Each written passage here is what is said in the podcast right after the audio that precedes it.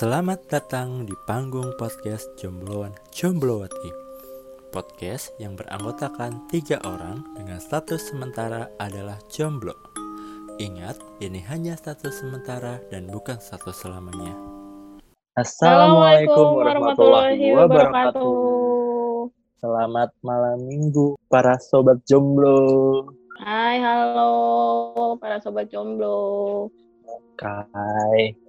Ya, jadi pada malam minggu kali ini kami dari Jomblo Anti Podcast kembali hadir untuk menemani malam minggu para sobat jomblo sekalian mengisi waktu luang, waktu kekosongan supaya malam minggu kalian tidak lagi menjadi sendu dan kesepian. Karena tentunya kita juga bakal bahas hal-hal yang tentunya menarik, eh, hangat dan sedang diperbincangkan dan juga eh, seru juga untuk didebatkan lah intinya. Eh, di ujung sana cuman ada Nona Mai. Hai Mai. Halo. Hai, Bams. Gimana gimana sehat malam minggu ini? Alhamdulillah, masih kuat menghadapi sendiri ya. Alhamdulillah. Gimana? Masih sudah bersiap untuk new normal kah? Aduh, kalau gue kan belum new nor- normal ya. Tergantung Belum sekolah ya, ya? masuknya kapan. Berarti masih belum normal, masih gila. Belum.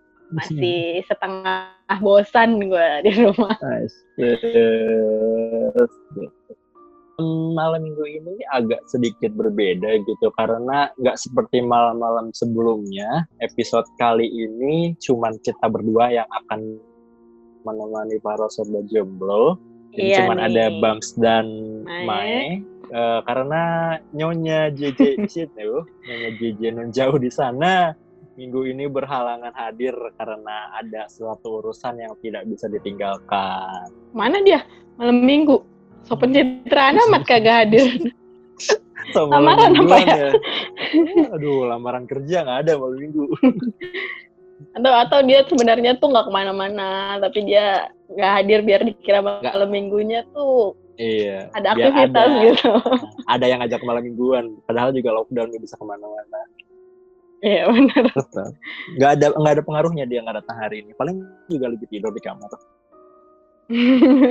ini nggak ada orangnya kita omongin nanti pas dia Biarin denger aja. Paling hasilnya besok minggu depan mencak-mencak. ngamuk-ngamuk deh. puas-puas dah lo manggil dia nyonya malam Iya. ini Nyonya JJ, lu pasti pas dengerin ketawa-tawa. Hahaha. JJ di mana pun kau berada bersama para sobat jomblo di luar sana mendengarkan kita Oke. ya J Ya. Selain dengan absennya Nyonya JJ pada kesempatan kali ini, jadi kita juga mau coba bawain tema yang sedikit berbeda, gitu nggak seperti topik-topik minggu-minggu sebelumnya di mana yang dibahas tuh cuman cinta-cintaan, mulu jomblo-jombloan, mulu galau-galauan, mulu. Jadi kita Oh. coba mau angkat topik yang sedikit berbeda. Jadi supaya malam minggu kalian tuh nggak cuman tentang kegalauan dan kesendirian. waduh terus kita mau bahas apa nih Hmm. Jadi- Jadi eh, kita mau bahas sesuatu yang lebih horor daripada pertanyaan kapan nikah dan mana calonnya. waduh apa tuh Ya, itu eh, kayaknya udah pertanyaan horor tuh ada lagi yang lebih horor. Jadi kita coba Oh, ada lagi yang lebih horor. eh, bahas tentang kisah-kisah misteri kali ya. Jadi kayak seru juga gitu malam-malam horor supaya eh, eh, ngasih tahu bahwa ba- banyak hal yang lebih horor di dalam pertanyaan-pertanyaan itu. Oke, sip, sip, sip. Jadi nggak cuma malam minggunya aja yang horor ya. Hari ini Kita temanya juga horor. agak horor. Betul. Creepy-creepy Oke. gimana gitu jam 7. Kita mulai dari mana ya enaknya? Hmm. Ngomong-ngomong Hmm. soal horor gitu, Mhm. mungkin orang-orang juga banyak pecah belah pendapat tentang horor di sini. Banyak orang yang percaya dunia itu dunia ada dunia selain dunia kita. Ada juga Hmm. yang percaya bahwa ya kita hidup paralel sama mereka, tapi ada juga yang percaya bahwa mereka nggak ada. Mereka itu cuma kayak imajinasi, halusinasi kita yang takut Oke. akan sesuatu gitu. Nah, kalau lu sendiri Iya, tipe yang seperti apa, Mai? Kalau gue sendiri menyikapi dunia lain, dunia lain Lain. coba luar biasa. gue menyikapi itu ya menganggap kalau itu nyata memang kan ya dalam agama kita berdua juga kan kita tahu ya Bams ya kalau dunia gaib itu ada cuma kalau misalkan untuk berinteraksi secara paralel segala macamnya gue lebih memilih untuk tidak mempercayai sih atau bahkan tidak mengetahui aja sekalian gitu daripada ya gue nggak percaya adanya hubungan satu sama lain aja gue udah diajak kenalan apalagi gue percaya gitu kan ngeri juga Ya. gitu Udah diajak kenalan berarti ada nih yang yang penasaran sama lu. ya itu kenapa nggak cowok ganteng gitu yang ngajak kenalan kan Ya mungkin dulu pas dia hidup ganteng. ya sekarang udah nggak bisa terlihat dan tidak bisa napak itu jadi serem ya nggak jadi ganteng gitu Ya kali kan kalau misalkan jodoh kan ada yang bilang jodoh belum lahir ke dunia, tapi ada juga mungkin jodohnya udah keburu mati, jadi mungkin nanti ketemunya di alam sana.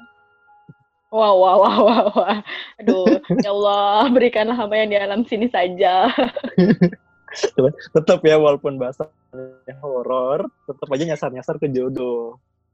iya terselip terselip selalu pokoknya minat DM Lalu, oke. Jadi gimana, Bam? tipikal orang kalau gue ya, kalau Hmm. gue tipikal yang ya percaya mereka ada, sama kayak tadi lo bilang, mereka memang memang secara agama juga mereka hidup berdampingan sama kita dan ya gue Mhm. percaya mereka ada, mereka bisa kita ajak komunikasi dan mereka memang mungkin di, di samping kita sendiri saat ini lagi ngobrol juga ada mereka lagi dengerin kita ngobrol bareng ikutan Iya, bisa jadi. Untung nggak ada JJ di sini. Kalau ada JJ lo bilang Ah. gitu, heh. langsung Agak matiin jadi bikin podcast Gak kita. ada episode Bubar. nggak ada udah closing Atau mungkin sebenarnya sekarang tuh lagi di sampingnya JJ kita juga nggak tahu gitu kan. Mm-mm, bisa jadi kan tuh di belakangnya JJ lagi nungguin lagi dipeluk duh duh duh duh, duh. J, ampun. kayaknya ada yang panas kupingnya nih lama-lama Oke. Oke, Mau- eh, kalau misalkan lo percaya adanya mereka dari lo Hmm. sendiri pribadi, eh, ya kan dulu waktu kuliah kita udah pernah ngalamin ya semacam diajak kenalan sama mereka kan. Kita berdua pernah Hmm. ngalamin itu karena kita satu kampus. dan kampus Tapi kita terkenal cukup horor Ya bener banget. Baik asramanya, baik kampusnya, baik hutannya, dan semua mau muanya Cuma gue pengen kepo nih kayak, eh, ya itu kan yang udah kita alamin bareng. Kita udah sama-sama tahu, udah Hmm. pernah sama-sama ngerasain. Coba gue pengen kepo, Hmm. lo pernah nggak sih ngerasain yang mungkin lebih menarik atau lebih kayak, ih gue nggak mau lagi deh Menarik. gitu. Hmm. Yang yang paling inget kali ya, yang paling berkesan. Aduh berkesan nggak juga yang paling. berkesan. Iya paling memorable. Kayak ya Kayak pokoknya diajak kenalan sama cewek Ini cantik. makanya. Padahal cuma dikenal sama hantu. Ya Allah, ya Allah. Aduh, kapan Jadi tuh? Gimana tuh? Mungkin eh, yang paling bisa gue inget adalah pertama kali kali ya. Karena semua yang pertama kan selalu paling inget dan paling mendebarkan. Mendebarkan. Oh, aduh, aduh, aduh. Ini kayaknya ngarahnya beda nih ceritanya. iya gitu. Tetep aja walaupun horor tapi karena sih itu heran gue juga. Ya maklum lah, tuna cinta ya. Kena cinta. Baik. Lanjut.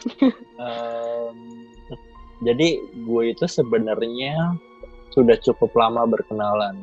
Bukan sudah Mhm. cukup lama Sudah cukup lama berkenalan. memulai kisah ini ah salah lagi gue udah cukup Waduh, lama waduh, merasakan apa sih gue ngomong apa jadi ibaratnya nih ya ulang ulang coba diulang gue itu pertama kali merasakan ada interaksi dari mereka kita sebut saja dia Mhm. mereka Mhm. itu mungkin zaman zaman gue masih sekolah kali ya kelas kelas antara kelas 3 atau kelas 4 SD Gitu. Waduh, lama banget ya? Masih keingetan? Iya, ya itu karena mungkin pertama, jadi kayak paling ya paling memorable bener, paling berkesan. Hmm. Gitu. Jadi Hmm. awal gua bisa lihat, awal gua bisa merasakan itu di situ di kelas 4 SD lah. Mungkin sehari Hmm. dua hari setelah Lebaran, posisinya tuh gua masih di kampung di Jawa Tengah. gitu. Mhm. Nah, Kampung gua itu kan bisa dibilang pada saat itu masih desa kan, masih bener-bener perumahan yang antar tetangga jauh, yang halaman belakangnya masih kebun, kiri kanan juga masih pepohonan. Ah, iya, gitu. iya, Jadi iya. masih masih benar-benar asri lah, masih benar-benar belum banyak bangunan gitu. Jadi masih banyak lahan Ah. kosong. Nah, eh, jadi eh, posisi gua saat itu lagi kayak ngerujak lah malam-malam di hari kedua lebaran bareng-bareng sama Hmm. Saudara semua gitu. Jadi pas ngerujak kebetulan agak sakit perut karena Hmm? rujaknya lumayan pedes. Jadi habis itu Oh, Oke. dan itu eh, ramean tuh. Jadi sama saudara-saudara gue juga yang seumuran dan bahkan lebih muda, banyak yang lebih muda itu pada kebelet semua kan gitu. Oh, nah. kompak ya. Ya buat sosokan aja bocah gitu, bosen opor nyari yang seger-seger tapi sakit perut ujung-ujungnya. ya. Terus, Nah, oh, gue udah eh, mulai merinding nih. belum juga sampai topik baru bahasan rujak. Baru bahas rujak aja gue merinding ya. ya lalu, Nah, itu kayaknya abis isya jam 8-an lah gitu. Jadi nah posisinya eh, kam- rumah gua kan masih bener-bener rumah kampung di mana itu Hmm. toilet kamar mandinya itu di luar rumah dan Ha-ha. WC-nya itu juga di luar kamar mandi bener-bener di pojok belakang eh, yang ada saluran airnya lah itu masih agak lumayan jauh dari rumah mungkin masih Ah. ada beberapa meter gitu kan dan Uh, uh, uh, uh. secara penerangan juga nggak ada. Jadi kalau gua mau eh, buang air besar malam-malam itu kita bawa lampu minyak. oh iya iya tahu tahu tahu. bawa lampu minyak digantung lah di situ. Nah eh, posisinya itu ya mungkin ada lima orang di situ. Jadi kita kayak berebutan toilet dan gua kebetulan nggak dapet yang pertama karena kalah cepat larinya. Nah Hmm. pada saat kita lagi nunggu giliran ya sambil sambil sakit perut gitu jadi eh, toiletnya itu belakangnya lapangan luas lah lapangan biasa kita main bola main futsal gitu yang isinya Oke. eh, lapangan terus di sekelilingnya ada kayak pohon kayak garis garis lapangannya pohon semua nah Oh, Oke. mm, nah Kebayang jadi kebayang. Nah, kebayangkan, nah di situ tuh udah gelap banget kan, mana nggak ada lampu. Rumah tetangga mungkin agak lumayan jauh. Nah di situ tuh gue memperhatikan biasanya di situ memang selalu ada dua pohon yang agak lumayan jarak gitu. Jadi kayak kiri kanan tuh ada dua pohon besar yang biasanya Mhm. tuh kita jadiin gawang tuh kalau siang-siang main bola di situ. Hmm, hmm. Nah cuman entah itu gue nggak halusinasi atau gimana di situ gue ngelihat di tengah-tengah dua bola itu dua bola di tengah dua lapak bola. dua pohon itu di tengah dua pohon itu ada Oke. sesosok jumping candy asik Oh my god. Oh oh oh oh. oh. putih-putih terikat guling-guling terikat dan kotor itu di tengah-tengah eh, tengah-tengah pohon On. lagi madep Hmm. ke samping dan dia kayak goyang-goyang maju mundur gitu loh kayak lagi berdiri goyang-goyang maju ah, mundur ah, gitu. iya. Hmm, gitu. Nah di situ gue udah udah mulai hmm apa tuh apa tuh gitu awalnya gue kayak masih diem aja lama-lama gue perhatiin kok nggak yang pohon-pohonnya diem yang lain tuh nggak ada yang goyang gue kira kan angin dia diem tapi yang tengah Heeh. itu tetap goyang-goyang tuh kenapa Oh, goyang-goyang oke. sendiri gitu kan gue Iya. tanya tuh sama yang lain sama teman-teman gue eh itu apa tengah-tengah goyang-goyang pohon gitu kok nggak pernah lihat terus mereka Tapi mereka kayak, sejujurnya lihat nggak? Hmm, nggak tahu, nggak sih kayaknya mereka juga kayak polos aja nggak ada kok mereka sosok nyenterin kan, itu nggak ada gitu. Ah. Tapi gue kayak Oke. itu apa itu ada putih-putih gitu kan, nggak ada nggak ada pokoknya mereka berempat gitu yang masih ada di posisi nggak ada yang lihat masih santai aja pada nahan sakit perut kan. Terus gue kayak Heeh. enggak ini ada yang nggak beres gitu. Akhirnya gue deketin pelan-pelan, pelan-pelan gue deketin. Ya mungkin gue jalan beberapa meter, tiba-tiba yang di tengah itu agak bergerak. Dia kayak ibaratnya dari posisi dia nyamping, dia madep Heeh. ke depan, lihat ke arah gue langsung, drek Oh my god. gitu. Oh, oh, oh, oh. Nah, Itu di situ berarti lu langsung pandang-pandangan kan. tuh? Nah, Oh. iya, itu tatap-tatapan kan. Aduh, gue nggak sampai, aduh kan langsung merinding kan nih. Eh, gue kalau jadi lu Mas- eh, mau Hmm. Hmm, nggak tahu deh gue.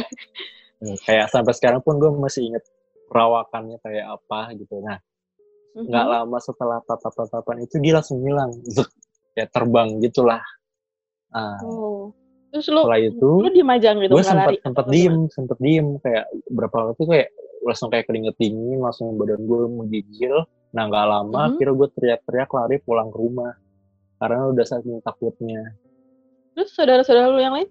Gimana? nah mereka pada bingung kan mereka nggak ngerti apa-apa Mhm. gitu. Jadi ya mereka tetap sakit perut aja gitu. Masih masih nunggu di situ. Pas lo lari Cuman- mereka juga nggak nggak lari atau gimana?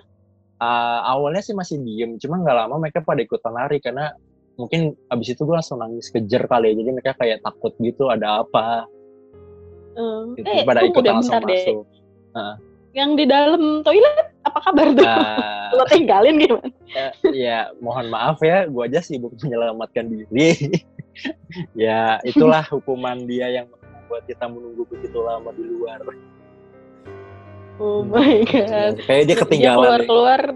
iya kosong nggak tahu deh dia sempet cebok atau enggak Nah, gue takutnya untungnya pas dia keluar itu nggak muncul lagi ya itu si Aduh. jumping candy-nya gitu kan. Aduh, aduh. Aduh, bahaya tuh bahaya. Nah pokoknya abis itu gue kayak langsung diem, langsung kayak bahkan gue nggak nggak sempet nggak bisa cerita tuh pas posisi di situ tuh kayak gue udah nggak Mhm. mau ngomong apa-apa sampai kayak mungkin sehari dua hari gue jadi nggak ikut nggak pernah ikutan main kayak agak parnoan keluar rumah bahkan kayak mau mandi aja agak-agak takut. Ya pokoknya serba-serba parnoan lah setelah itu. Jadi kayak ngelihat kayak kayak ngerasa ada yang mengawasi gue dari jauh pada saat itu. Gitu dan Oke. itu lumayan bikin gue tidak betah. Karena gue waktu itu masih sisa tiga harian lah di kampung. Dan itu tiga hari yang menurut gue cukup menyiksa karena selalu dihantui oleh penampakan itu setiap mau tidurnya setiap ngapa-ngapain selalu aja kayak ada merasa yang merhatiin Ya, jadi kebayang-bayang gitu gak sih? Mm-mm, mm-mm, itu gitu sih. Itu mungkin asal mula dan ya udah begitu gua pulang pun gitu gua balik ke Jakarta kayak kayak eh, masih ada koneksi jarak jauh. Kayak seolah-olah dia masih Waduh. nungguin gua di sana. Kayak ikatannya tuh nggak putus. Jadi kayak gue merasa dia tetap ngawasin gue dari jauh Oh my Hmm. god, macam LDR aja ya lu berdua ya. gitu. Jadi setelah itu agak berat hidup gue anjay. Kayak agak-agak takut-takut gimana gitu. Kayak mungkin belum terbiasa gitu sih. Itu mungkin Iya sih. pengalaman pertama gue gitu. Dan bisa dibilang setelah itu gue jadi mulai Mhm. agak sensitif sama hal-hal semacam itu sih. Mulai sering, mulai banyak dan mulai ya mulai ada lah yang satu dua yang Tuh. Oh, tapi kalau misalkan eh, kan itu kan di kampung lo dan lo tiap Hmm. tahun setahu gue kan mudik ya. Mm-mm. Itu pas lo mudik tuh jadi kayak eh gimana sih kayak lo keinginan pengen nengok ke situ lagi atau gimana gitu gak sih? Ya untungnya gitu tahun depan pas gua mudik itu posisinya udah bilang agak agak diubah gitulah landscape-nya udah nggak Mm-mm. seperti yang dulu lagi jadi kayak eh, toilet eh, WC um- WC duduknya itu udah dipindahin ke dekat lebih dekat rumah dan tempat itu udah Oke. dijadiin kandang kambing kalau nggak salah gitu jadi kayak nggak tahu entah mungkin eh, kakek gua enggak kakek gua merasa ada sesuatu yang gua temukan di Mhm. situ atau mungkin ya mungkin emang mereka positif aja mereka mau bikin kandang di situ. Cuman kayak gue merasa bahwa Mhm. tempat itu diubah sedemikian rupa supaya ya entah pengalaman buruk gua hilang atau mungkin koneksi itu sedikit menghilang. Mungkin itu sih. Jadi kayak kalau gua ngelihat tahun depannya itu udah berbeda banget sama apa yang gua lihat sebelumnya Oke, jadi karena udah ada perubahan view ya, jadinya nggak terlalu mengingatkan banget gitu lah. iya Kan biasanya kalau masih bentuk begitu tuh masih kebayang-bayang ya, di Iya, sini nih kayak, dulu nih gitu. gitu ketemu lagi enggak ya Iya, Itu dan sih biasanya kalau kita mikirin gua. gitu kan ya, mereka tuh malah kayak- beneran nongol iya oh, benar nyariin kayak nih seolah "Heeh, Nyariin pede gua nih." banget gitu. Itu sih kalau gue kalau lu gimana kalau lu ada cerita nggak pengalaman pertama bertemu mereka asik Eh, gue sih nggak nggak nggak kalau bertemu sih alhamdulillahnya belum pernah ya dan gue nggak mau gitu. Jangan sampai pernah ber- gitu kalau untuk bertemu. kalau bertamu Eh, bertamu selagi nggak kelihatan sama guanya terserah deh gitu. Jadi gue memang eh, jujur gue tuh uh, dulu waktu kecil itu gue penakut. Mungkin sampai sekarang sebenarnya masih penakut cuma agak naik level dikit lah gitu kan. Kalau dulu tuh bener-bener gue tuh iya bener-bener gue gue penakut banget kayak disuruh ke warung. Karena dulu rumah gue waktu gue SD itu rumah gue deket lapangan kosong dan itu ada pohon pete Cina itu gede banget. Hmm. dan di situ kata orang-orang tuh ada gitu kan. Kayak gue seneng dengar cerita gini-gini tapi ya gue tidak pernah mengalaminya Hmm. Eh, gue kalau disuruh ke warung, kalau udah di atas maghrib itu gue udah gak mau. Sekalipun gue hmm. mau, setiap ngelewatin pohon itu gue lari, lari sekencang yang gue bisa.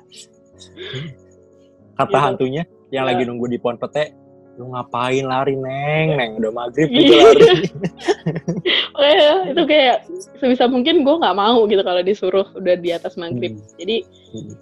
emang gue dulu penakut nah sampai akhirnya gue mengalami sebenarnya gue waktu kecil tuh mengalami cuma kayak cuma melihat semacam bayangan putih gitu doang hmm. lambai-lambai dan namanya anak kecil kan belum ngerti banget ya dan hmm. ketika saat itu gue mikirnya kayak yang pokoknya gue yang penting nggak ngeliat gitu dan itu nggak tahu hmm. halusinasi atau beneran nah mulai berasa itu ya pas sama lo itu yang kuliah gitu kan hmm.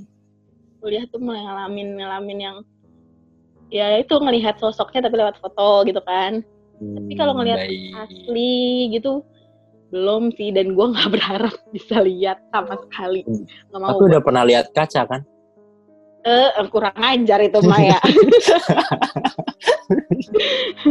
kalau gue ngeliat kaca tuh yang gue lihat bukan hantu bidadari Ais hmm. bidadari tanpa sayap Aduh, asal jangan bidadari yang di sinetron aja ya. Uh, banyakan episodenya itu ntar. Makanya. Nah, gue uh, mulai ngerasa yang menurut gue creepy banget, yang menurut gue, ih gila ya ngajak kenalannya gini banget itu ketika mm -hmm. belum lama sih sekitar tahun lalu atau dua tahun lalu gitu pokoknya ya, itu gue pas di iya itu di tempat gue ngajar di sekolah tempat gue hmm. ngajar nah di situ uh, gue lagi sama murid-murid gue itu sekitar jam setengah tujuh kan bener-bener abis maghrib langitnya udah mulai gelap tapi belum pekat banget mm-hmm. apa sih kalau orang Jawa ngomong tandai kala gitu gitulah ya okay, yeah, kalihan yeah. antara maghrib ke malam gitu kan mm-hmm. nah itu gue duduk-duduk sama murid gue tuh murid gue ada tiga orang satu cewek dua cowok kita duduk-duduk hmm. di pinggir lapangan di dekat ring basket tapi kontur sekolah lo itu perkotaan kan maksudnya di perumahan kan bukan kayak belakangnya ada sawah atau apa gitu. Nah uh, sekolah gue memang di apa sekolah itu memang di dalam perumahan tapi hmm. itu di belakang sekolahnya tuh kalau kita jalan menuju ke dalam sana itu nanti di belakangnya tuh rawa danau-danau gitu. Waduh. Waduh waduh, Uh, dan emang itu sekolahan sekolah itu tuh di tempat gue tuh bisa dibilang sekolah terluas kali ya di kota itu gitu. hmm. sekolah yang lumayan luas dan itu luasnya itu dalam kategori dia banyak banyak kebun banyak taman gitu modelnya jadi lebih lebih luas ke tempat yang nggak ada bangunannya dibanding yang ada bangunannya hmm, baik gitu. nah pas gue duduk-duduk kayak ya kita iseng aja sih duduk-duduk di lapangan gitu sambil nemenin salah satu murid gue yang lagi buka puasa kita hmm. duduk-duduk di situ kita ngobrol tuh kayak biasa. Udah mulai ngobrol-ngobrol-ngobrol tiba-tiba murid gue yang cewek yang satu ini itu dia tiba-tiba beberes. Beberes barang-barang kita gitu kayak kan tadinya tuh banyak sampah-sampah makanan banyak makanan hmm. yang belum kita makan. Itu tuh dia beresin dia masukin ke dalam plastik gitu kan. Kita anggap aja ABC hmm, ABC, ABC baik. Nah jadi ketika si A lagi beberes uh, barang-barang hmm. tiba-tiba murid gue satu lagi nih si B bilang gini lu ngapain sih A? Beres-beres gitu kan. Hmm. tumben banget gitu. Terus kata si A ya nggak apa-apa gue pengen beres-beres aja. Jadi nanti kalau kita mau pulang tinggal langsung pulang aja nggak usah lama-lama gitu. Hmm. kayak tumben banget ya anak gitu kan. Terus uh, nah sebelum si A beres ini sebenarnya gue udah mulai ngerasa nggak enak karena gue udah ngeliat kayak ada bayang sekelebat hitam terbang gitu kan hmm. terus gue memikirnya ya gue pikir positif uh, apa ya ya udahlah ya gitu kayak yang penting mereka nggak ganggu gitu kan jadi gue diem aja karena gue nggak mau juga murid-murid gue takut gitu gue nya udah takut soalnya saat itu gitu Nah, habis itu setelah beres-beres, eh, tiba-tiba si B ini main flash handphone. Dia iseng-iseng nyalain flash handphone, dia sorot-sorot ke sana ke sini gitu kan. Nah, terus eh, pas dia nyalain flash handphone dia bilang eh, pinjam flashnya Kak Maya dong gitu kan. Terus gua kasih. Terus pas dia mainin, ih warnanya kuning ya gini-gini. Nah pas dia main flash handphone kan gue selalu mengikuti cahaya handphonenya dia ke mana pun dia sorot nih. Mm-mm. Cuma gue penasaran kok di jadi kan eh, kalau di sekolahan kita di tengah-tengah lapangan ada dua koridor kanan Hmm. kiri kan. Ya. Nah, koridor di koridor sebelah kiri gue itu koridor buat jalan biasa, nggak ada pokoknya itu koridor di balik tata usaha sama ruang kepala sekolah dan ruang guru gitu. Nah, di sisi kanan gue itu koridor perpustakaan gitu. Nah, kita Hmm. sejajar banget nih sama pintu perpustakaan di sebelah kanan gue. Nah, eh, setiap dia nyorot, dia tuh nyorotnya kayak random gitu disorot ke mana-mana gitu kan. Tapi kok Iseng di banget lagi dia. Iya emang murid gue tuh gak jelas banget. Dia kayak malah bikin disko diskoan tapi nggak nggak separah itu sih. Kayak dia sorot ke sana ke sini ke sana ke sini. Terus dia tuh kayak bilang wih flashnya yang ini lebih jauh yang ini lebih jauh gitu kan coba-coba kayak gitu. Tapi gue tertarik untuk melihat ke arah perpus. Karena Hmm. perpus itu tuh ada sorot lampu terus gitu. Ada kayak sorotan senter warna kuning terus gitu kan. Sedangkan gue mikir kalau kalau itu ada di situ berarti kan ada sesuatu yang nyorotin dari arah lawannya dong, Hmm. gitu kan. Nah, gue gue tengok ke koridor kiri, nggak ada siapa-siapa di situ. Gue mikir, kok nggak ada siapa-siapa ya? Terus gue mikir, ah ya udahlah ya, mungkin flashnya si B eh, telat datangnya atau gimana. Gue gue coba untuk berpikir sepositif mungkin. Menghibur diri lah. Iya benar. Nah pas gue, tapi gue memperhatikan terus kan ke arah uh, perpustakaan itu karena gue penasaran gitu. Hmm. Di dalam perpustakaan itu ada dua ruangan, ada ruang gudang sama ada ruang baca. Nah di Hmm. ruang gudang itu kan ada ventilasinya. Pokoknya di atas di atas perpus kan ada ventilasi ventilasi. Hmm. Nah pas gue lihat dari ventilasi di arah di tempat gudang itu kan ada lampu. Itu tadinya lampunya tuh mati. Hmm. Lah pas gue lagi fokus ngeliatin ke arah pintunya, tiba-tiba tuh lampu nyala. Terus mati lagi. Nah gitu. gue udah mulai Hmm. aduh apa nih, gue udah mulai gitu kan. Tapi yang namanya Mae ya, mencoba untuk, kenapa? Positif. Tapi lu nggak coba Ya, nyamperin gitu masuk gitu kali ada yang nungguin gitu kan kenalan eh, mm, makasih banyak. Karena kayak terlalu- gitu kan tiba-tiba saling bertatapan dari situ pandangan Oh tidak pertama. tidak tidak tidak. Terima kasih. Eh, lagi pula itu perpus kalau udah jam segitu ya udah ditutup gitu penjaganya udah pulang kan. Hmm. Si apa pustakawannya udah pulang. Jadi ya udah gue kayak itu kenapa? Coba gue berpikir positif lagi. Ah lampunya konslet. Gue mikirnya gitu. Ya, iya. mau mati mau putus iya mau putus dia sudah tidak bertahan. Aisyah maju Nah tiba-tiba ternyata yang menyadari hal itu bukan cuma gue, si B juga Hmm. menyadari karena ternyata itu lampu nggak cuma berkedip, mal, apa nggak nggak cuma nyala terus mati itu nggak cuma sekali. Si B ngeliat. Nah si B itu lebih ekspresif dari gue orangnya. Jadi dia langsung langsung nyeletuk gitu dengan suara lantang. Itu apa sih? Dia bilangnya gitu. itu kenapa? udah tuh si A itu langsung beberes lagi makin berberes makin cepet dia langsung gendong tas gitu kan buru-buru udah ya udah dia bilang gitu dan itu pas kita merhatiin ke arah perpus semua Heeh. itu nyala mati nyala matinya makin cepet gitu loh Maki- oh berarti mereka merasa oh gue udah udah di notice nih gue Eh. harus makin semangat Mm-mm, kayak makin Hmm. caper gitu kan Mm-mm, temui aku temui aku gitu nah terus udah udah nyala mati nyala mati itu eh tiba-tiba mati terakhir yang kita Hmm. lihat itu mati tapi lampu di ruang baca nyala Mm-mm, gantian Hmm. gitu kan. lagi mau baca berarti dia Hmm, kayaknya sih tadi lagi beberes kayaknya. Aduh. Nah, habis dia mati eh, sorry, habis lampu perpus yang ruang baca mati, itu kayak Hmm. chamber gitu loh, Bam. Jadi kan di koridor itu kan ada lantai satu ada lantai dua nah itu Hmm. nyamber jadi eh, abis dari lampu perpus itu langsung ke lampu lab lampu lab mati terus kelas atas nyala dan bergantian gitu Kayak berarti dia lagi kelilingin gedung itu ya. iya jadi kayak Ruangan dimainin nih dan Heeh. Kalau si B ngelihatnya gitu, jadi kayak ngelihatnya lampunya yang nyala. Tapi kalau yang gue lihat beda bams. Apa tuh?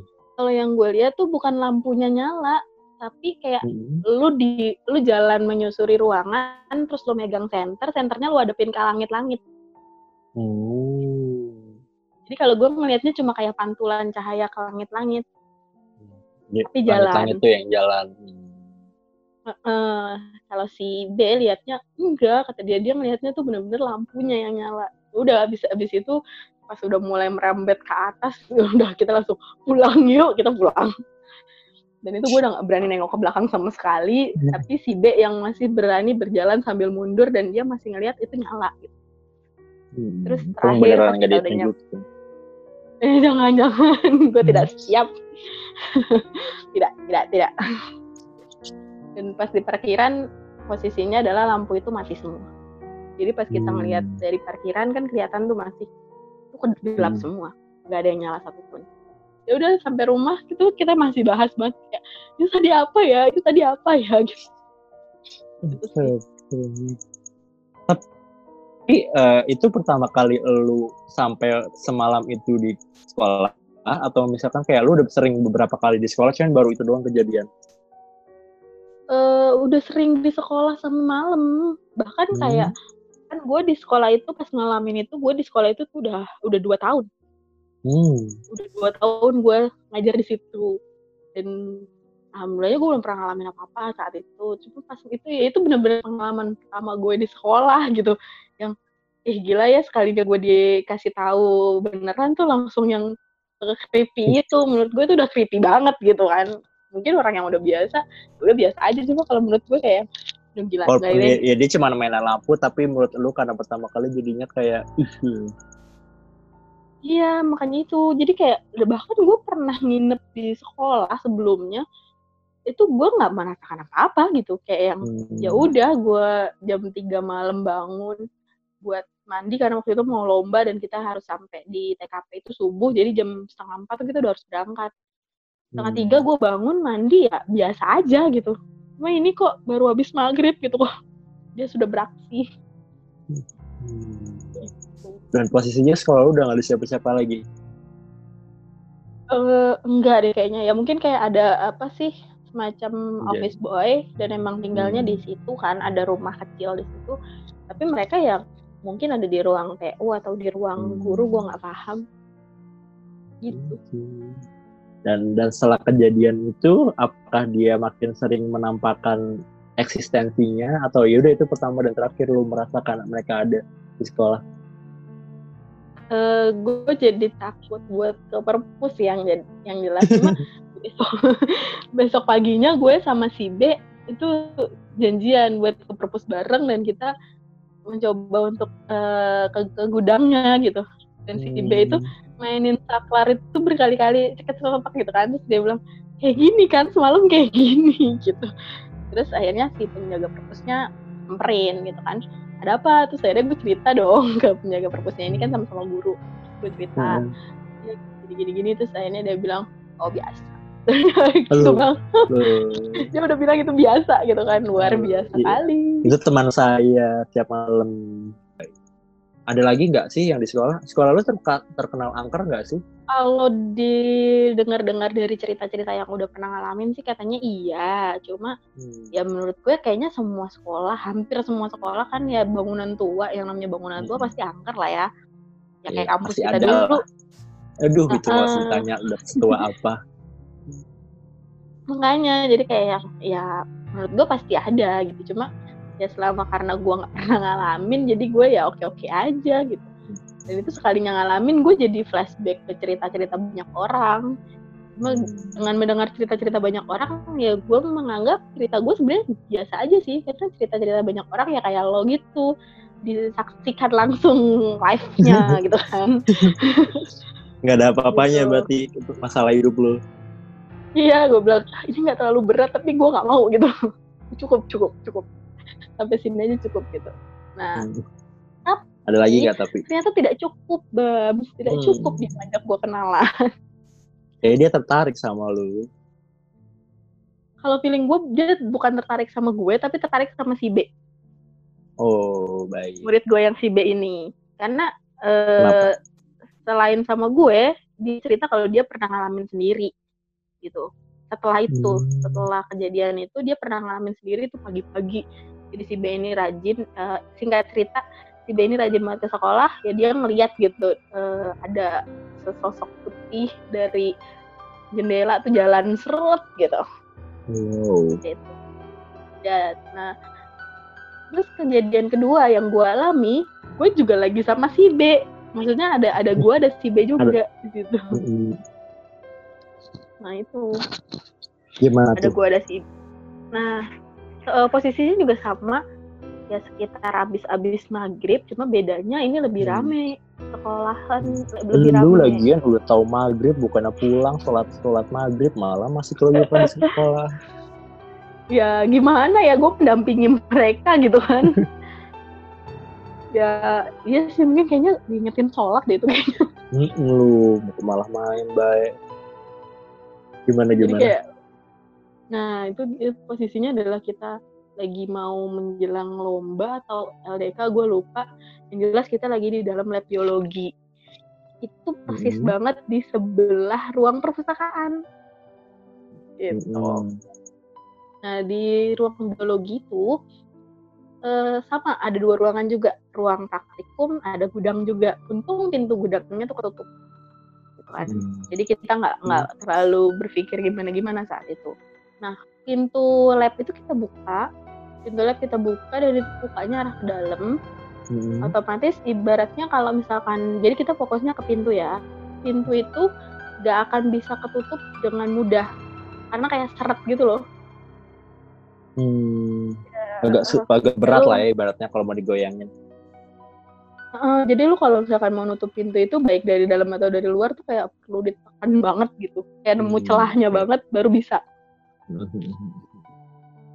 Nah, waktu itu kita lagi bikin apa ngetik-ngetik. Murid-murid gue ini beberapa lagi bercanda dan bercandanya emang menurut gue ya keterlaluan sih. Mereka tuh ketawa-ketawa gitu. Udah tahu maghrib maghrib ketawa-ketawa pula gitu kan. Cari masalah.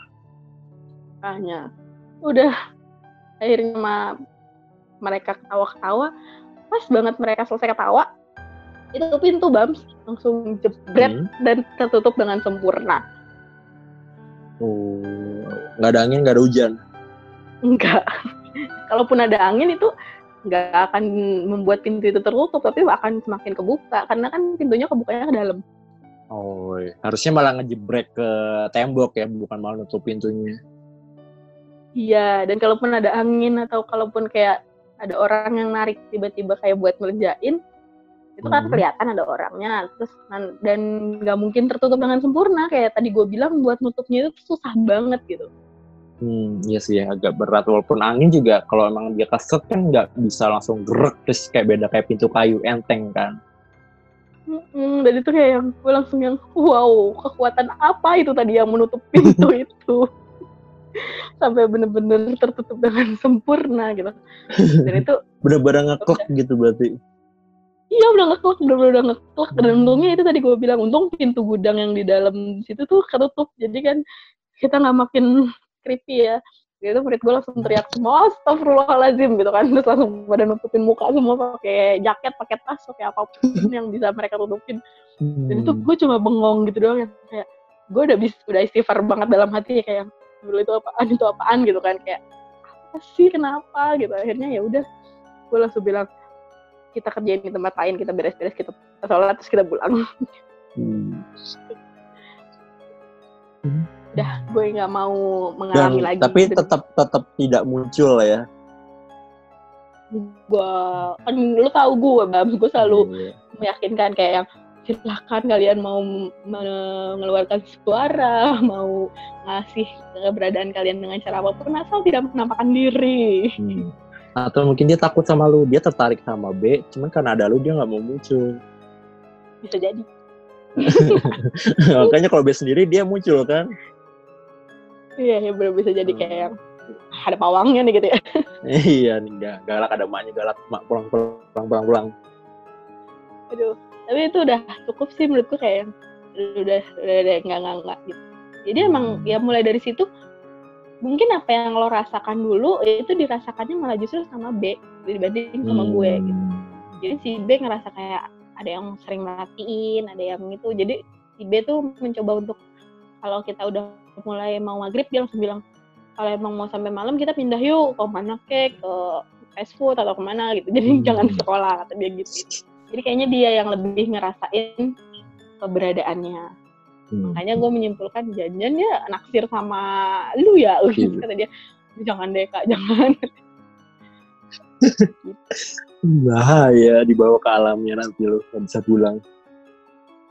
hanya tuh Hmm. jadi ya makanya pas lo bilang tadi lo lebih sensitif ya gue percaya gitu. Percaya banget karena ya murid gue ngalamin itu dan dia lebih sensitif ke hal itu. Jadi dia lebih se ke minta temenin sih kayak lu temenin dulu bareng-bareng jadi kayak menurut dia kalau bareng-bareng ya akan lebih baik dibanding dia lagi Iya. sendirian gitu Lalu gimana Bam? Pernah merasakan yang nggak masa kecil nggak? Ya maksudnya kayak mungkin kan kalau masa kecil lebih riskan Iya. ya karena biasanya anak kecil kan lebih disamperin nggak sih? Mm-mm, memang lebih lebih mudah lah untuk dipertontonkan. Hmm. Kayak, Nah lo kok. pernah ngerasain yang mungkin saat lo udah besar atau kan atau oh gini gini. Lo kan gue inget banget lo kan suka banget sama traveling alam ya? Nah di alam kan banyak tuh. Lo pernah nggak mengalami yang hem banget gitu?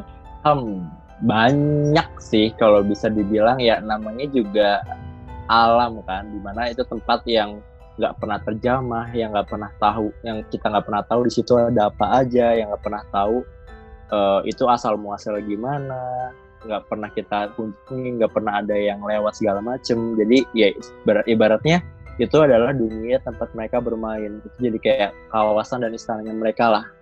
Gitu. Jadi Mhm. jadi kalau misalnya flashback dikit abis kejadian itu kan gue jadi makin sensitif tuh. Jadi kayak mulai SMP uh, ada lah satu dua hal. Mulai SMA tuh mulai makin makin apa ya mereka tuh kayak makin punya power untuk memperlihatkan di depan gue jadi kayak makin gampang buat mereka untuk muncul di hadapan gue ya di SMA nah ketambah lagi pas Hmm. di kuliah di kuliah juga kan ya udah tahu guanya sensitif dan kampusnya juga begitu kan? Gitu. ya, ya benar-benar Jadi ya, mendukung ya dia. eh, kalau lu ya mungkin lo udah juga sering dengar kalau waktu gua zaman kita zaman kuliah gitu di- ditambah lagi asrama gua yang nun jauh di sana gitu ibaratnya Hmm. bukan sekali dua kali lah pengalaman kayak gitu. Ya ibaratnya kayak asrama gue juga jauh dari peradaban kan gak bener-bener di pusat kayak asrama lo pada gitu. Jadi ya apalagi Hmm. kita sering banget pulang malam di mana jam setengah sembilan jam sembilan tuh baru balik ke asrama. Itu ya sepanjang jalan ya bukan cuma satu dua lah yang say hi gitu. Oh iya Heeh, heeh. jadi kayak demi Heeh. wow ya meski jadi meskipun gua naik sepeda tuh kayak ada ada ada ada beberapa orang yang naik sepeda juga padahal kalau gue lihat ke belakang nggak ada cuma rasanya kayak udah ada orang yang naik sepeda juga satu Mhm. dua kayak kalau gua lagi lewatin kan asrama gue tuh lurus lurus banget lurus nah di ujung sana Iya, tuh kayak ha. ada satu sosok yang nungguin gue di pertigaan padahal pas udah mau Oke. deket dia tiba-tiba ngilang nah, oh, oh my god Hmm. Terus Hmm. juga, nah gue kan juga suka banyak kegiatan kampus yang eh, kadang bisa sampai jam 1 jam 2 tuh kalau lagi ada event atau acara jam 1 jam Hmm. 2. Jadi kadang kalau kayak pengen ke toilet atau kayak pengen eh, ke jalan dulu ah mau cari makanan itu kayak ada yang nemenin, ada yang ngikutin.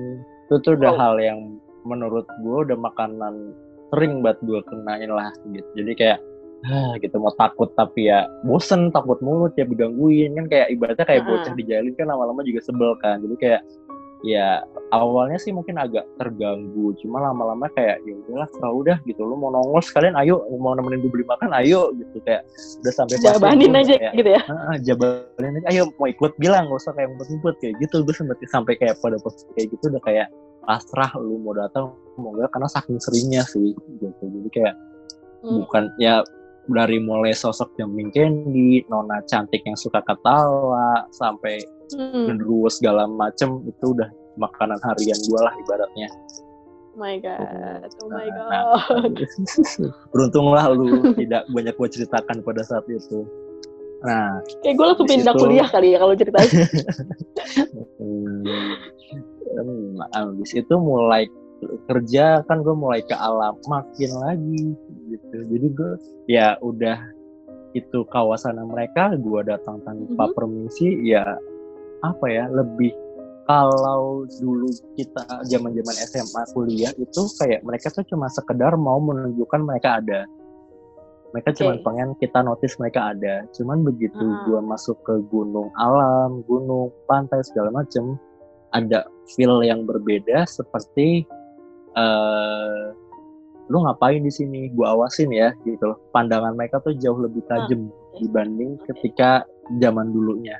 Itu yang gua rasa beda. Aura mereka lebih kuat, eksistensi mereka lebih ada, power mereka lebih kuat dan kayak mereka jauh lebih bisa mendominasi karena ini tempat gua gitu. Lu jangan macem-macem di sini. Kayak kesannya kayak gitu. Hmm, oke. gitu. Jadi ibaratnya kalau misalkan mereka itu diibaratkan seorang manusia, jadi Hmm. kalau misalkan dulu itu mereka cuma kayak ya udah lu cuma dikasih tahu oh di di sana tuh ada pangkalan preman loh gitu. Tapi Heeh. kalau misalkan pas sudah di alam lu kayak dikasih tahu ya premannya tuh kayak kayak seolah ngisyaratin kalau ini wilayah gue lu jangan macam-macam gitu kali ya. Hmm, Iya kayak gitulah gitu. Ya satu kali, dua kali, tiga kali naik gunung tuh jujur gua agak berat sih, agak agak agak makin makin makin kali naik tuh makin berat buat melangkah. Gak tau kenapa langkah gua agak berat untuk naik gitu, lebih kayak ada yang apa ya, ada bener-bener pandangan itu. Mereka pernah cuma ngeliat se- seolah-olah mandangin dari jauh, cuman kayak Hmm? ngasih beban di pundak gua gitu loh. Nggak? Hmm, bukan karena Keril berat ya Kerilnya berat gitu cuman tapi ini lebih berat gitu. makin makin kayak ada yang orang neken ih gitu loh makin pundak lu ditekan sama mereka ibaratnya Iya iya. Kayak gitu. ya mungkin karena pandangan intimidasinya mereka kali ya. Jadi nah seolah-olah intimidasi kayak baru bikin mau ngomong. Eh, jadi kayak lu lebih ke ya gue mau nggak mau kayak harus tunduk banget gitu nggak sih? Mm-mm. jadi kayak fisik gua capek tapi ra- eh, apa ya jiwa gue juga capek karena ditekan sama mereka. Gitu. Itu yang bikin eh gitu. Kalau misalkan memang diceritain pengalaman di gunung kalau dibilang banyak banyak banget gitu. Mungkin kepanjangan lah kalau di sini. Mungkin nanti kalau misalkan emang pengen kita bikin sesi khusus lah buat hal-hal menarik. Aduh menarik. Hal-hal semacam itu di gunung lah karena itu bisa kayak jadi satu episode sendiri kayaknya. Tapi yang Waduh. jelas ya yang jelas ya itu tadi eh, agak sangat sangat berbeda bagaimana gue merasakan mereka di kota dan di tempat-tempat seperti itu. Oke, ya sih mungkin lebih kayak ya mungkin kalau di kota kan populasi manusianya kayak lebih banyak Mm-mm. aktivitas nggak Iya. sih? Tapi kalau di sana kan jarang. Iya, Heeh, lewat juga ketahuan kan. Ya berapa orang sih sehari lewat situ gitu. Dan bener-bener masih pohon yang gak ada penerangan, gak ada suara, gak ada apa. Gitu. Iya, bener banget. Tapi lu kalau misalkan ke tempat-tempat baru gitu eh, lebih sensitif juga nggak sih? Maksudnya kayak kan tempat-tempat baru biasanya kalau orang yang punya sensitivitas tinggi sama hal tersebut dia akan lebih berasa gimana? gitu ya gitu kan Hmm, kayak ya dia ada nih atau apalagi kalau misalkan yang bisa lihat gitu banyak nih gitu kan. Jujur iya. Jadi kayak kalau misalkan kayak ke gua ke daerah-daerah yang tipenya kayak hotel atau apa tuh kayak gue merasa yang tipenya bukan di perkotaan ya kayak gue nginep di guest house yang atau villa lah villa puncak nggak usah jauh-jauh lah tempat yang memang ya oke khusus disewain dan jarang-jarang ditempatin itu begitu gua masuk kayak hawanya itu agak beda gitu loh. Angin pertama yang misalkan gue buka pintu, angin pertama yang lewatin gue tuh bukan angin yang seperti pada umumnya angin. Gitu. oke Jadi kayak mereka Jadi tuh kayak lewat assalamualaikum gitu ya? gitu loh. "Ah, ini gue ada di sini loh, kayak Hmm. Oke Jadi memang Baik, kalau gue bukan tipikal orang yang nyaman lang gampang langsung nyaman ke mana-mana karena ya itu tadi sensitivitas itu yang cukup mengganggu gue ke tempat baru. Hmm.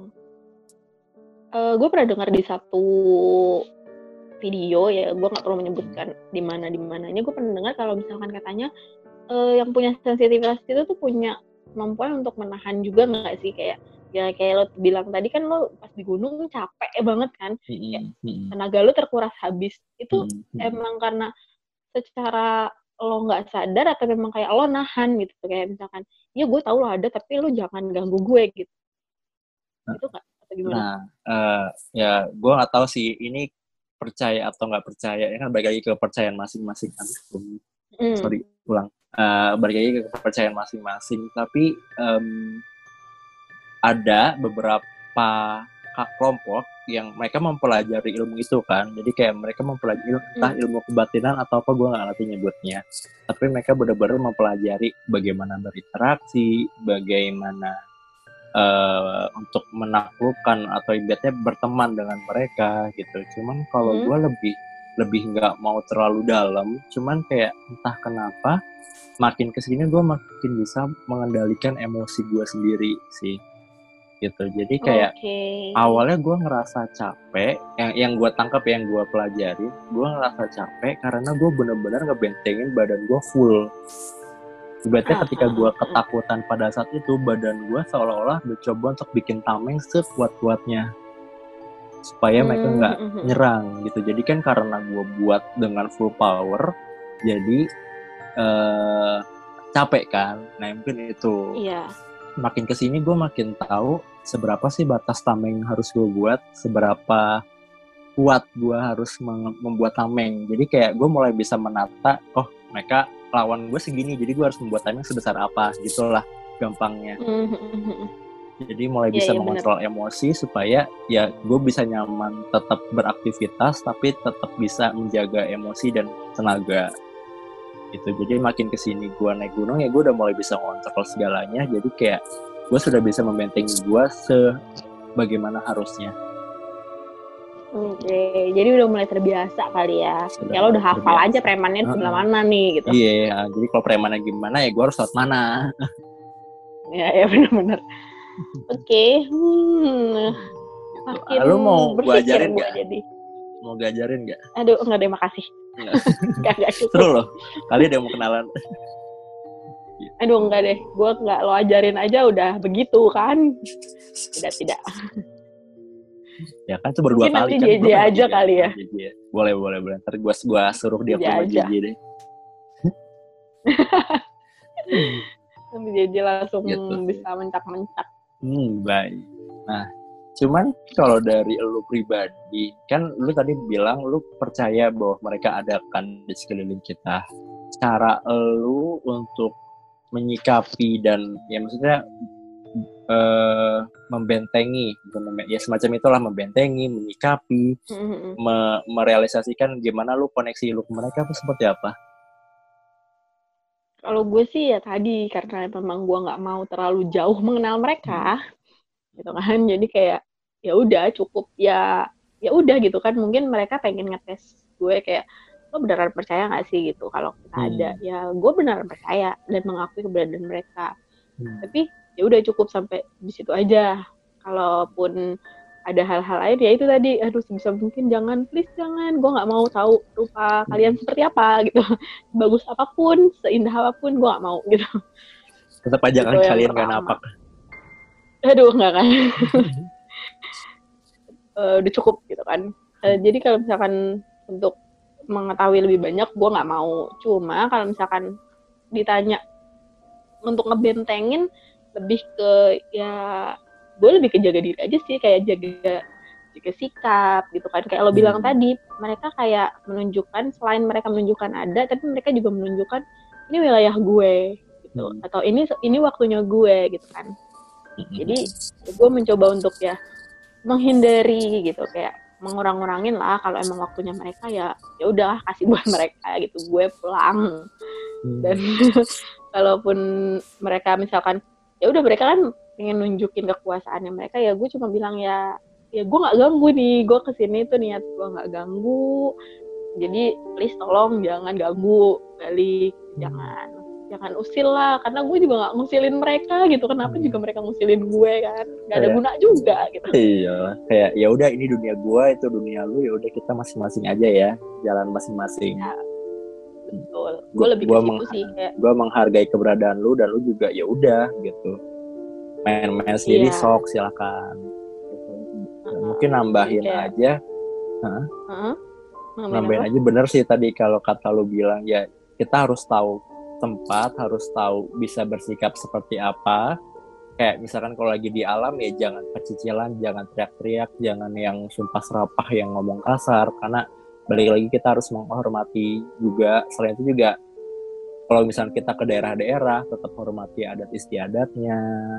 Iya benar Eh, banget. karena kan tiap daerah juga punya adat istiadat masing-masing harus dihargai, diterapkan meskipun percaya nggak percaya tapi ya lebih baik kan mencegah kan. Kalau bisa memang betul tujuannya kan juga lebih baik gitu bukan merugikan kita jadi ya insya Allah kan selamat jangan lupa Iya. untuk tetap jaga emosi ja- jangan terlalu jangan terlalu bener-bener aura negatifnya jangan terlalu dikeluarkan lah gitu karena kan yang gue tahu yang gue pernah denger mereka kan senang banget sama aura negatif kan jadi Hmm, ketika kalau misalkan kita lagi marah lagi sedih lagi kesel nah mereka akan semakin menganggap itu makanan mereka gitu. Iya. Jadi balik lagi ke Kayak mereka nemenin. pikiran. Maka ayo nih teman kita datang. Balik lagi Hmm. ke pikiran lu harus jernih, hati lu juga harus bersih, sikap lu juga harus baik. Itu sih kayaknya. Iya benar. Ya sama aja sih karena menurut gua kalau kita ambil sisi gamblangnya, sisi simpelnya, pada dasarnya mereka sama aja kayak ya kayak manusia pada umumnya gitu kan. Jadi kalau digangguin juga misalkan lu digangguin sama temen lo gitu. Kalau lo udah Hmm. mulai kesel kan mereka juga nggak suka kan. Lo juga nggak Hmm. suka gitu digangguin. Mm.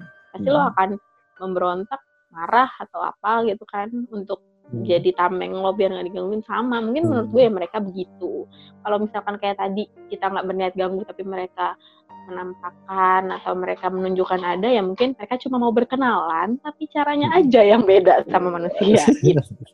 Baik. Panjang ya kayaknya dan masih banyak juga sebenarnya yang bisa dibahas. bisa dikulik lagi. ya bener banget Belum juga dengar cerita dari JJ kan. iya sih tapi gue rasa kayaknya tuh anak nggak punya cerita hal-hal kayak gini deh nggak mau juga nggak mau, mau. Lebih positif dari lu bahkan. Gitu. Iya benar Jadi kak, oke. Jadi mungkin ya sebenarnya dunia ini kan dunia yang tidak familiar buat kita gitu. Mungkin kita juga banyak merasakan, tapi merasakan merasakannya gue dan merasakannya lu juga bisa jadi beda gitu. Banyak banget hal-hal yang Hmm. masih di zona abu-abu yang mikir ini benar nggak sih, ini salah nggak sih, ini ada nggak sih gitu. Jadi banyak banget pertanyaan yang sebenarnya kalau dikulik lebih jauh ya agak di luar nalar, tapi sebenarnya ya mereka memang ada di sekitar kita gitu nggak sih?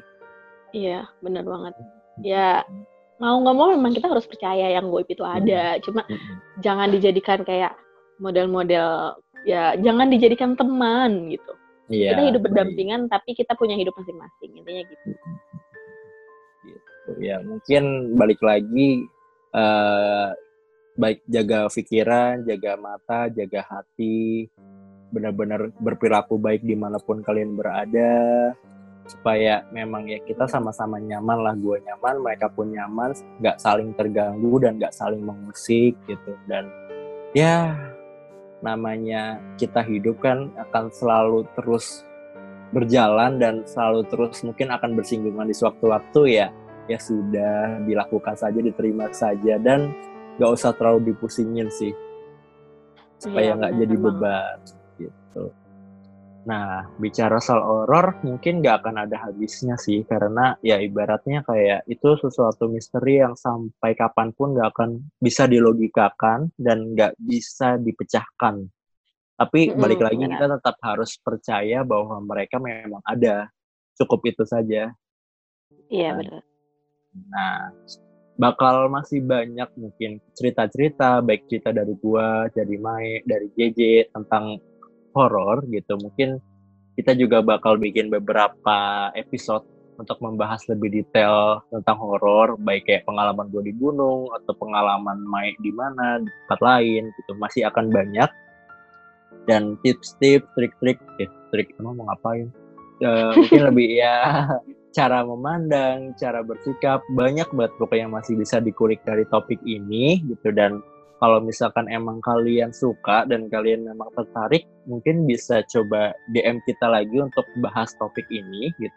Gak cuma tentang pengalaman pribadi, mungkin juga bisa share eh, cerita-cerita horor yang pengen kalian bahas dan pengen kita ceritain di sini supaya kita juga bisa kulik-kulik lebih dalam gitu. dan kalau misalkan mau bahas topik-topik lain gitu yang lagi hangat, yang lagi rame gitu mungkin juga bisa DM ke kita supaya kita bincang-bincangkan di Sabtu sore kalian gitu dan jangan hmm. lupa untuk terus ikutin kita keseruan kita keseharian kita topik-topik apa sih yang kita bawain episode-episode apa aja sih yang udah kita ceritain gitu. Mungkin bisa cek di Instagram kita di mana?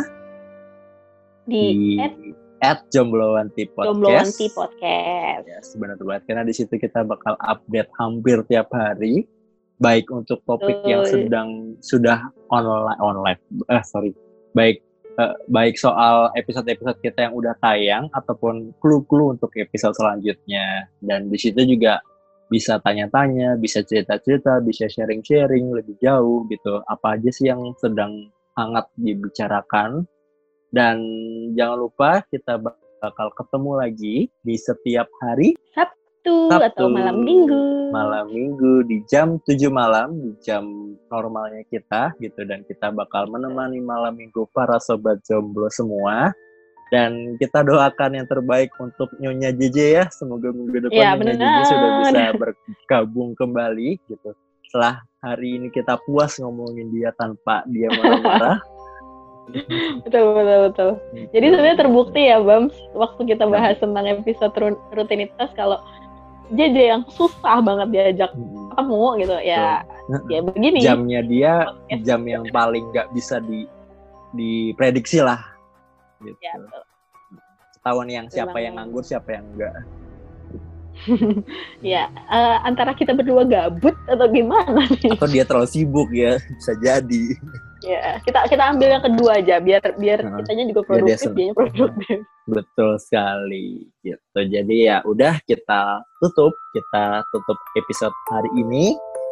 Uh, akhir kata gue Bams dan gue Mae kami berdua mewakili Jebelwanti Podcast pamit undur diri. Akhir kata, wassalamualaikum, warahmatullahi, warahmatullahi wabarakatuh. Bye. Selamat Sampai malam minggu. Bye bye. Jangan jangan jangan apa. Hati-hati di samping kalian ada apa itu. Bye. Bye. Stay safe. Uh.